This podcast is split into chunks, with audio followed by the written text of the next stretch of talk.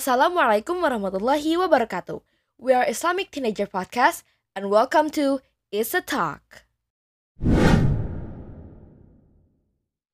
أعوذ بالله من الشيطان الرجيم بسم الله الرحمن الرحيم الحمد لله نحمده ونستعينه ونستغفره ونعوذ بالله من شرور أنفسنا ومن سيئات أعمالنا من يهده الله فلا مضل له ومن يضلل فلا هادي له وأشهد أن لا إله إلا الله وحده لا شريك له وأشهد أن محمدا عبده ورسوله In all truth, all praise is for Allah. We praise Him and we seek His assistance and we ask for His forgiveness. And we seek refuge in Allah from the evils of ourselves and from the evils of our actions. Whoever Allah guides, there is no one that can lead him astray, and whoever is led astray, there is no guidance for him. I bear witness that there is no deity that has the right to be worshipped except Allah, alone and with no partner. And I bear witness that Muhammad is his slave and messenger. Amma ba'ad, to proceed. Today we will be reading chapter 9, Seeing Allah. Allah's Image. As was stated previously, man's mind is limited and Allah is limitless. Therefore, man cannot hope to understand anything about Allah's attributes except what Allah chooses to reveal to him. If man tries to picture Allah in his mind, he will only go astray, because Allah is different from anything man can conceive. Any image of Allah which man constructs in his mind will be from some part of creation, or a composite of created things which he has observed. Thus, if he pictures Allah in his mind, he ends up giving Allah the attributes of creation. It is, however, possible for man to intellectually and emotionally understand some of Allah's attributes. Hence, Allah has revealed some of them to man. For example, Al-Qadir, the All-Powerful, means that there is nothing which Allah is unable to do. Similarly, Ar-Rahman, the most merciful, means there is nothing in creation which has not been blessed by Allah's mercy, whether they deserve it or not. Such understandings do not require any pictorial representations in the mind. Thus, it is only along these lines that the human mind may correctly conceive of Allah. A confused understanding of the boundaries within which Allah may be conceived by man was one of the factors which led the early Christians of Greece and Rome astray from the true teachings of Prophet Jesus. Europeans who embraced Christianity put in their churches and shrines pictures and statues of Allah in the form of an old European patriarch with a long flowing white beard. Early Christians of Palestine came from a Jewish background which strictly prohibited any pictorial representations of the Creator. Europeans, however, went astray in this respect due to a long historical tradition of representing their gods in human form and because of their dependence on the distorted scriptures of the Jews for religious guidance. In Genesis, the first book of the Torah, the Jews had written the following concerning man's creation. Then God said, Let us make a man in our image, after our likeness. So God created man in his own image. In the image of God he created him. The book of Genesis, verses 26 to 27. From these verses and others like them, early European Christians concluded that the scriptures taught that God looks like a man in the same way that they portrayed their mythological gods looking like men. Consequently, they expended much wealth, time, and energy portraying God in human form in statues and paintings. The practice of representing God in human form is and has been quite widespread. When man lost touch with divine revelation, which taught that God was not similar to his creation, he began to direct his worship to creation. In doing so, he often chose to represent God in human form, as man was obviously the greatest living being on earth. Thus, for example, from the time of the Chu dynasty, 1027 BC to 402 CE, the official or state religion of China focused upon the abstract deity T'ien, heaven, who was given human form as Yu Huang, Jade Emperor, Lord on high, ruler of the heavenly court. In the Quran, Allah makes it very clear that nothing we can think of is like him. Allah subhanahu wa ta'ala states, ليس كمثله شيء وهو السميع البصير There is nothing like him, Allah, but he sees and hears all. Surah Ash-Shura, Ayah 11. And ولم يكن له كفوا There is none comparable to him. Surah Al-Ikhlas, Ayah 4. Prophet Musa asks to see Allah. After making it clear that he is not like his creation, Allah goes on to inform us that our eyes cannot grasp him. He, subhanahu wa ta'ala, said, لا تدركه الأبصار وهو يدرك الأبصار Eyes cannot catch him, but he catches all eyes. Surah Al-An'am, Ayah 103. This divine statement points out that man is incapable of viewing the divine being. In order to further emphasize this fact, Allah related in the Quran a pertinent incident from the life of Prophet Musa alayhi salam. ولما جاء موسى لميقاتنا وكلمه ربه قال رب أرني أنظر إليك. قال لن تراني ولكن انظر إلى الجبل فإن استقر مكانه فسوف تراني. فلما تجلى ربه للجبل جعله دكا وخر موسى صعقا فلما أفاق قال سبحانك تبت إليك وأنا أول المؤمنين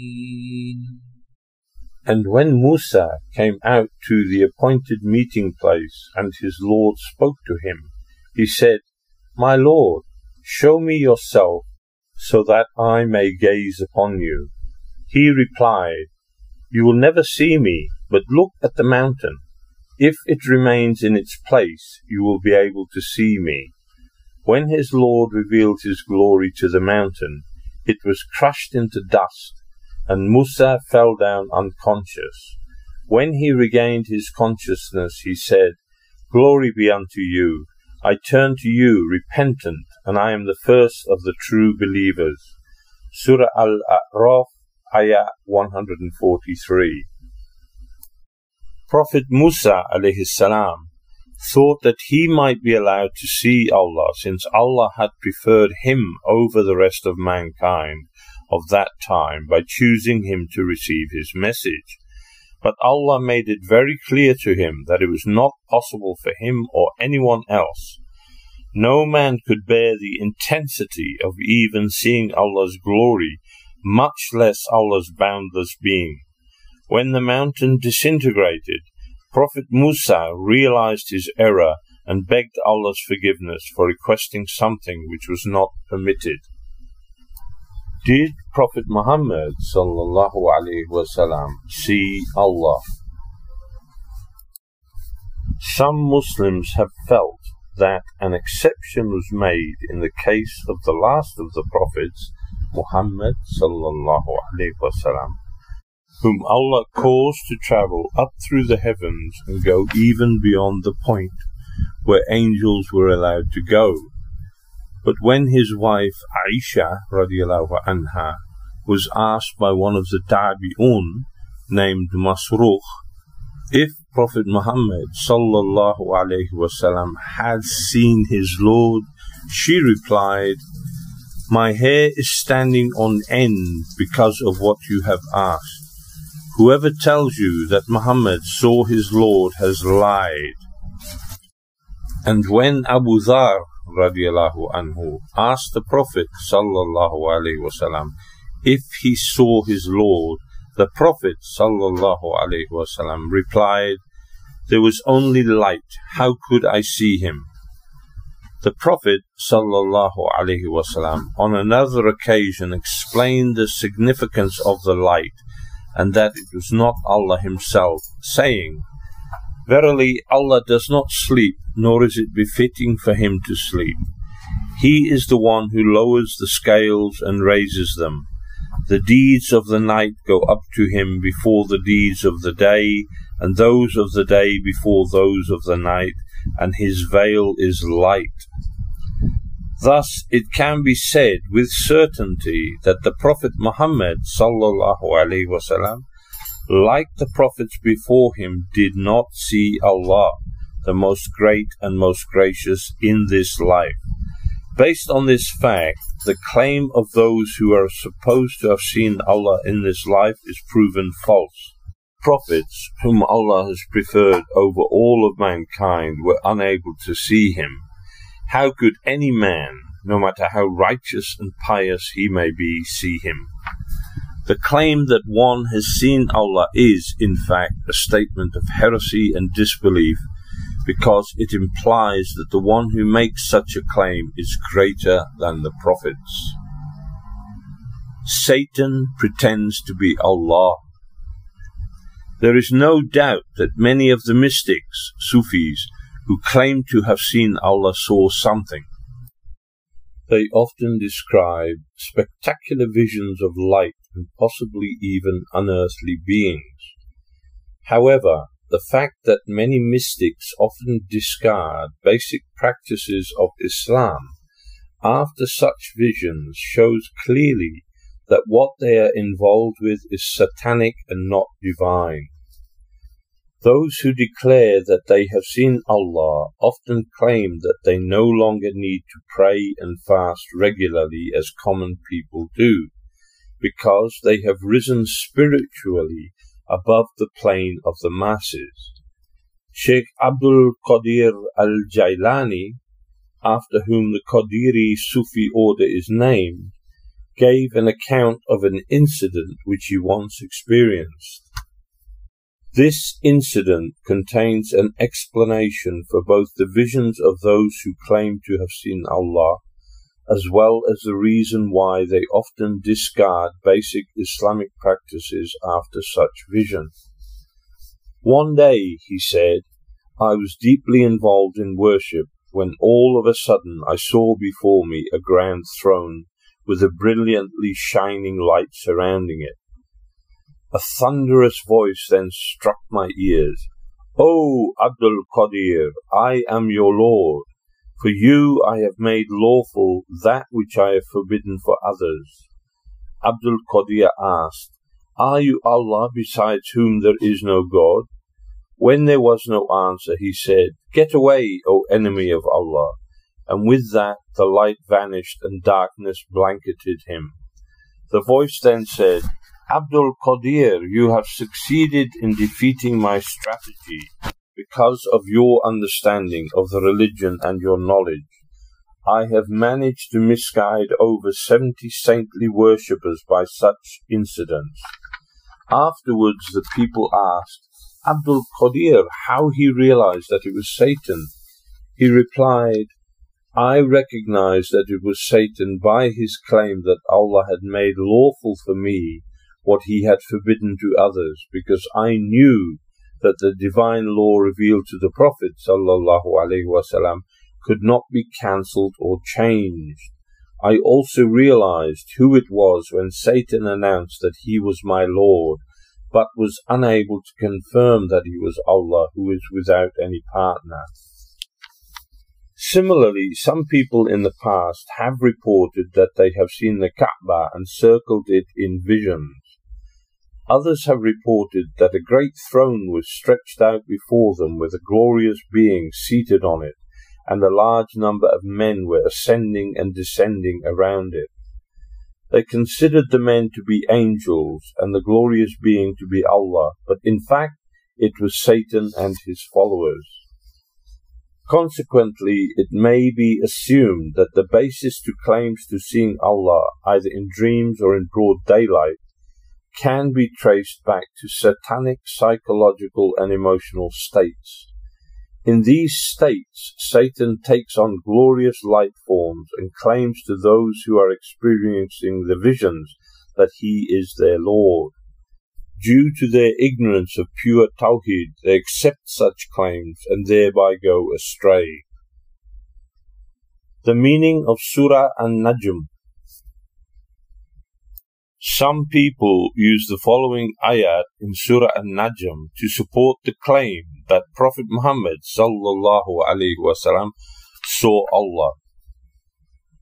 وهو بالأفق الأعلى ثم دنا فتدلى فكان قاب قوسين أو أدنى فأوحى إلى عبده ما أوحى ما كذب الفؤاد ما رأى أفتمارونه على ما يرى ولقد رآه نزلة أخرى عند سدرة المنتهى When he was on the uppermost horizon, Then he came close and descended, until he was two bows' lengths away or closer, and he revealed to his slave that which he revealed.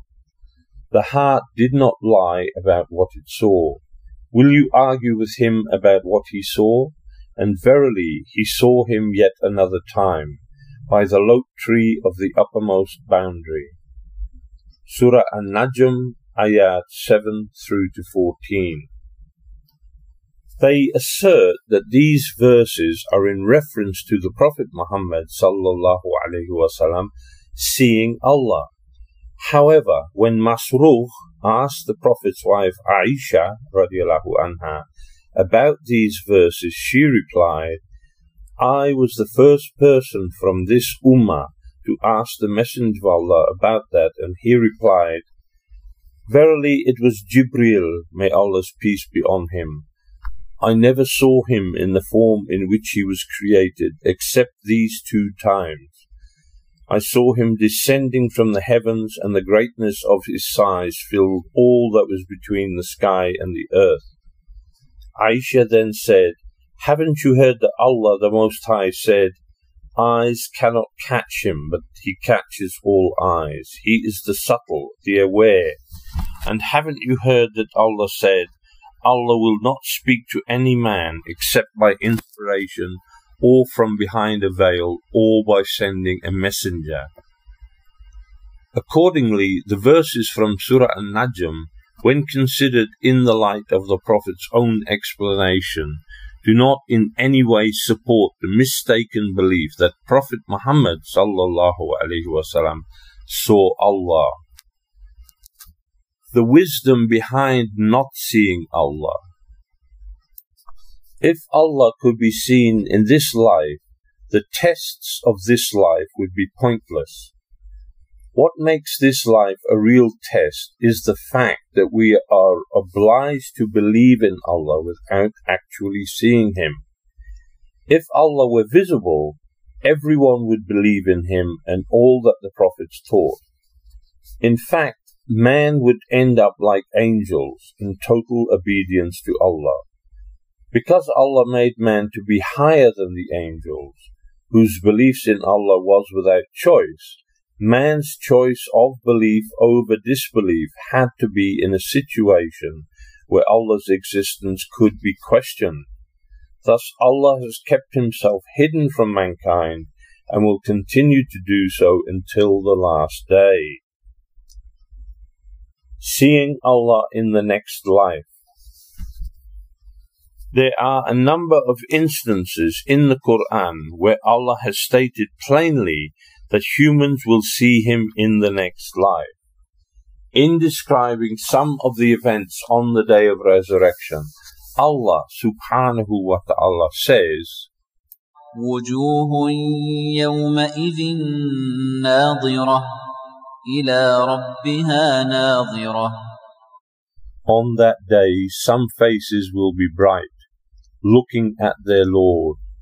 Surah Al-Qiyamah, ayat 22 to 23. The Prophet sallallahu alaihi wasallam has been even more explanatory about this great event. When asked by some of his companions, Will we see our Lord on the day of resurrection? He replied, Are you harmed by looking at the moon when it is full? They replied, No. He then said, Verily you will see him likewise. On another occasion he said, Verily each one of you will see Allah on the day when you must meet him, and there will not be between him and you a veil nor a translator. Ibn Umar radiallahu anhu also reported that the Prophet sallallahu alaihi wasallam once said, "The day of resurrection is the first day that any eye will look at Allah, the All Great and All Glorious." Seeing Allah subhanahu wa ta'ala is a special added blessing for the people of paradise. This additional favor is itself greater than all the other pleasures which Allah has in store for the righteous inheritors of the gardens of paradise. Allah refers to this additional pleasure saying, لهم ما يشاءون فيها ولدينا مزيد For them is whatever they wish, and there is with us something additional. Surah Qaf, Ayat 35. Two of the Prophet's most notable companions, Ali ibn Abi Talib and Anas, may Allah be pleased with them, are reported to have explained that the additional thing which Allah referred to here is looking at Him. The companion Suhaib, radiallahu anhu, reported that Allah's Messenger, sallallahu alaihi wasallam, recited the ayah, For those who do right is a good reward and something additional, and then said, When the people deserving paradise have entered it, and those deserving hell have entered it, a cry will call out, O people of paradise, Allah has a promise for you which He wishes to fulfill. They will ask, What is it? Has He not made our scale of good deeds heavy, made our faces shining, put us in paradise, and extracted some of us from hell? The veil will then be removed, and they will gaze at Him. Nothing which He has bestowed on them will be more dear to them than gazing at Him, and that is the something additional. As for the previously mentioned verse, eyes cannot catch him, but he catches all eyes. It negates seeing Allah at all in this life, but in the next life it only negates the possibility of seeing Allah in His totality. The righteous will only be able to see a part of Allah, since their sight will still be the sight of finite created beings while Allah is and always will be the infinite, uncreated Lord who cannot be encompassed by sight, knowledge, or power. As for the disbelievers, they will not see Allah in the next life, which will be a great deprivation and disappointment to them.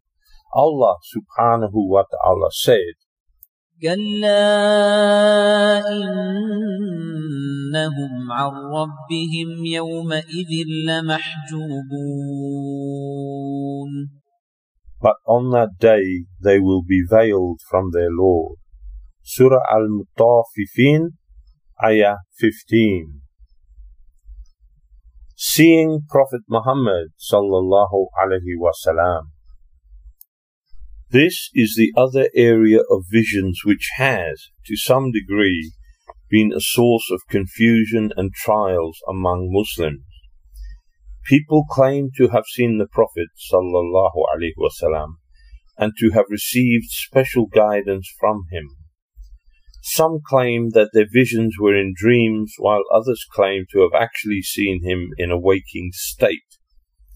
Those who make such claims are usually revered by the masses.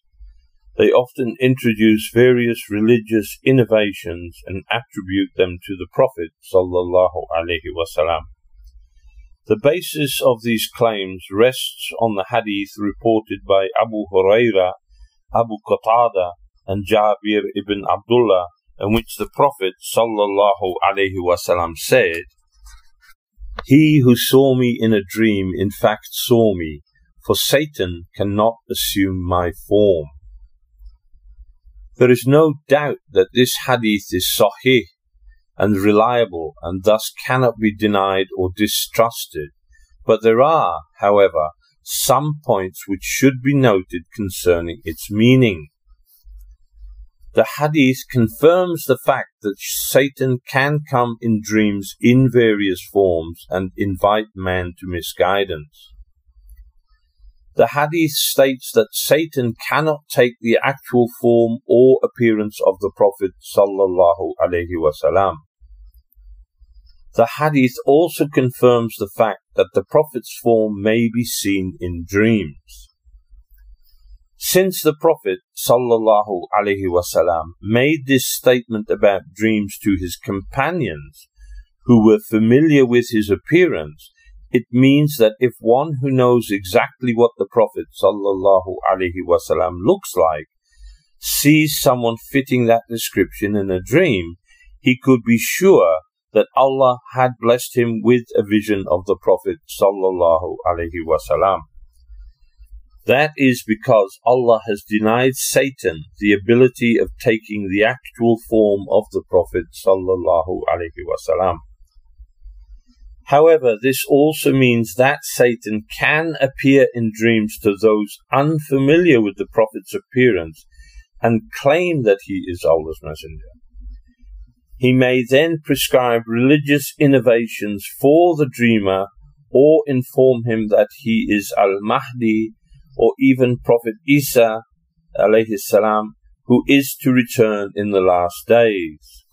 The number of individuals who have started religious innovations or made such claims based on dreams are countless. People are particularly inclined to accept such claims because of their misunderstanding of the implications of the above mentioned hadith. Since the Sharia is complete, the claim that the Prophet sallallahu alaihi wasallam has come in dreams with new additions must be false. Such a claim implies one of two things.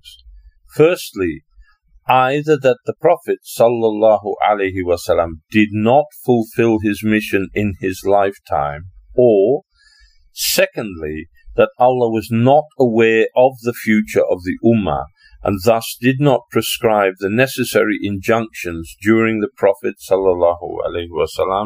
lifetime.